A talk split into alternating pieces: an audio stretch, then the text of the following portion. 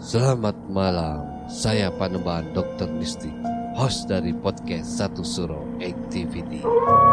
Sekarang Satu Suro Activity bekerja sama dengan Anchor. Aplikasi ini sangat membantu saya untuk membuat dan publish show saya ini. Perlu kalian ketahui, ternyata membuat podcast itu sangat gampang sekali dan 100% gratis. Anchor tidak hanya mempermudah untuk membuat podcast. Dalam hal distribusi pun aplikasi Anchor memiliki banyak jaringan, di antaranya Spotify, Apple Podcast, dan platform podcast lainnya. Tidak perlu berpikir lama, segera download aplikasi Anchor dan bikin podcast kamu sekarang juga gak pakai lama. Saat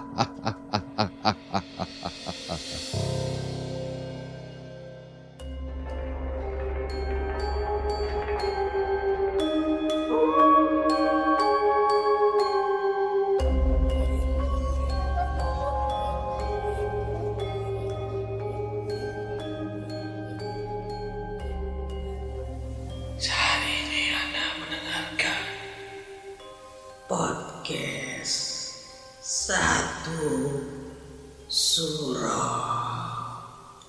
bersama Mistik.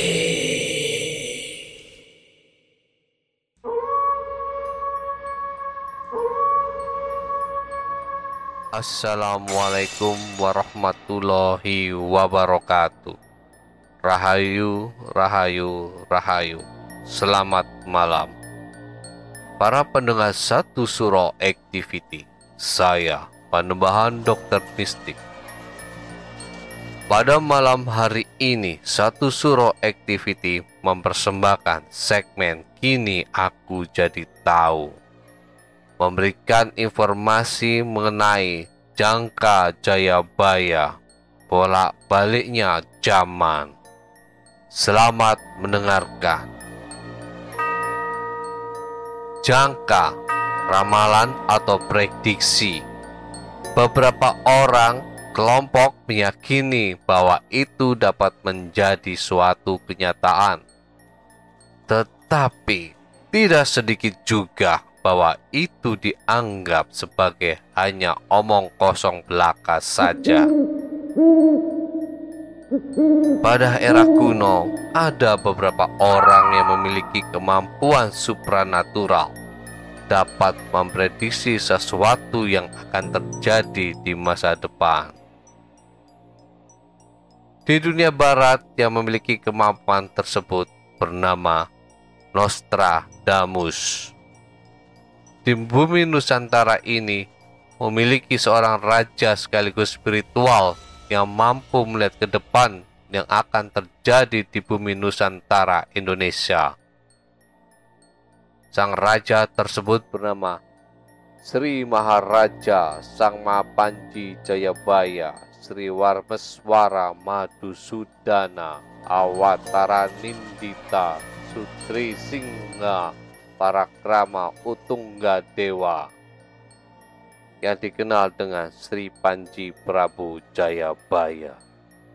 Pada segmen kini aku jadi tahu, saya akan mencoba membahas isi tafsir dari jangka Jayabaya yang pernah diucapkan oleh Sang Prabu, yaitu Bumi soyo suwe, soyo mengkeret, sengkilan bumi dipajaki jaran doyan sambal, kereta roda papat setugel, wong wadon nganggo pakaian lana.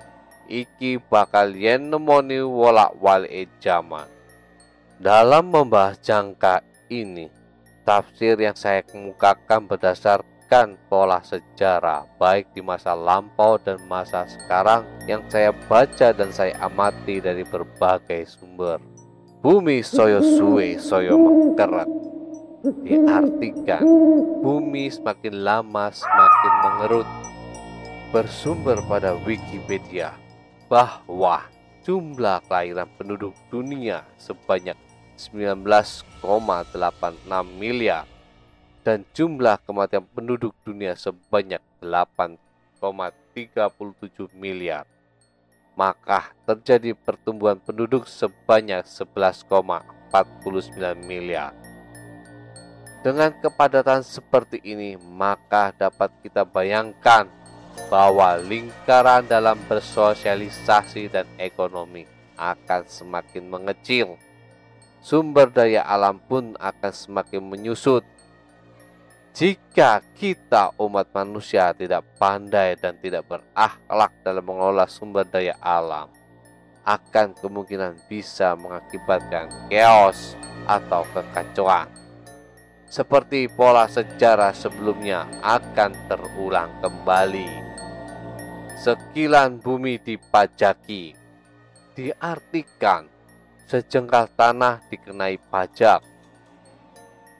Pajak telah dikenal sejak wilayah Nusantara masih dikuasai oleh berbagai kerajaan dan kesultanan yang timbul dan tenggelam dalam rentang sejarah yang panjang raja-raja Nusantara telah memungut pajak atau upeti dari masyarakat untuk menghidupi kerajaannya.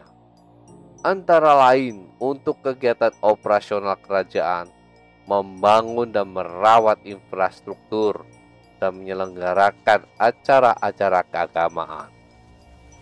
Rupa-rupa pajak yang diwajibkan mulai dari pajak tanah, hasil hutan sampai pelacuran dan pertunjukan seni. Jika kita amati di era sekarang bahwa bentuk pajak sekarang banyak macamnya.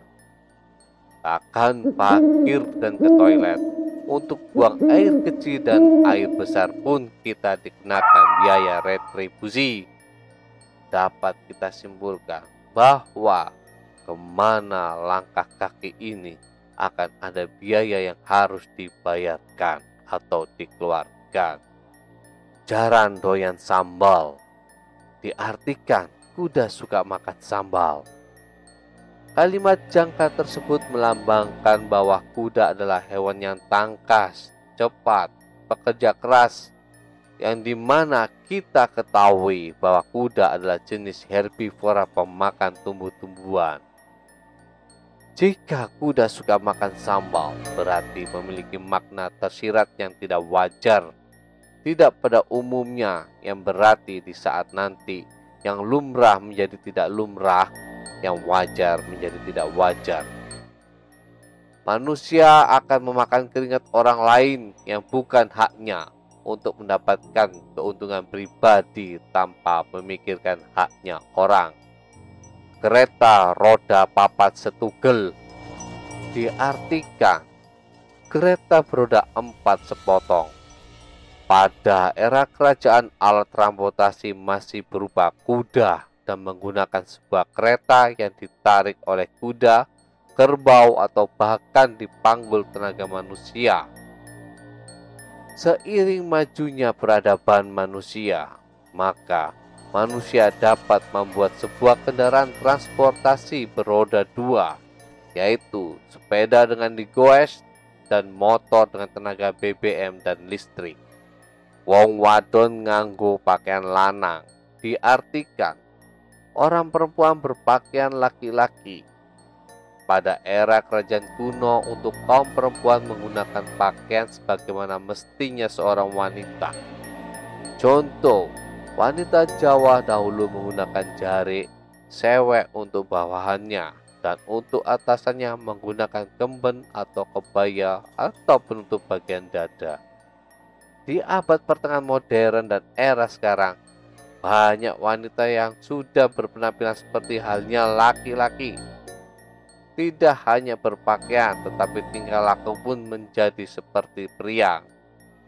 Sehingga terkesan tomboy, Bahkan pekerjaan yang hanya dilakukan laki-laki bisa dilakukan oleh perempuan juga hingga menjadi tidak lazim. Iki bakal yen nemoni ngelak wali e zaman. Diartikan itu pertanda orang akan mengalami zaman berbolak-balik. Pada era modern ini yang terlihat yaitu bahwa perempuan sekarang cenderung seperti pria. Dari cara berpenampilan, bersosialisasi, dan pekerjaan. Begitu sebaliknya, para pria pun dengan percaya dirinya merubah kodratnya menjadi seorang perempuan dengan melakukan operasi plastik, memasang implan payudara, dan mengoperasi kelaminnya menjadi perempuan. Dulu seorang murid sangat menghormati dan menghargai gurunya. Tetapi saat ini banyak sekali murid salah ditegur guru malah berbalik melawan dan hingga melaporkan ke polisi. Negara seharusnya mengayomi rakyatnya, tetapi tidak sedikit bahwa rakyatnya yang diminta disuruh mengerti kondisi negaranya. Para sahabat pendengar satu suro activity, Itulah sebagian dari jangka Jayabaya yang saya tafsirkan berdasarkan berbagai sumber yang saya pelajari. Semoga dapat menambahkan wawasan. Para sahabat pendengar satu suro activity, jangka atau ramalan benar atau tidaknya dikembalikan kepada sudut pandang Anda masing-masing. Karena kebenaran mutlak hanyalah milik Allah semata para pendengar satu surah activity. Bagaimana dengan tafsir menurut opini kalian? Silakan komentar di kolom komentar. Jangan lupa subscribe, like, dan bunyikan lonceng keramatnya.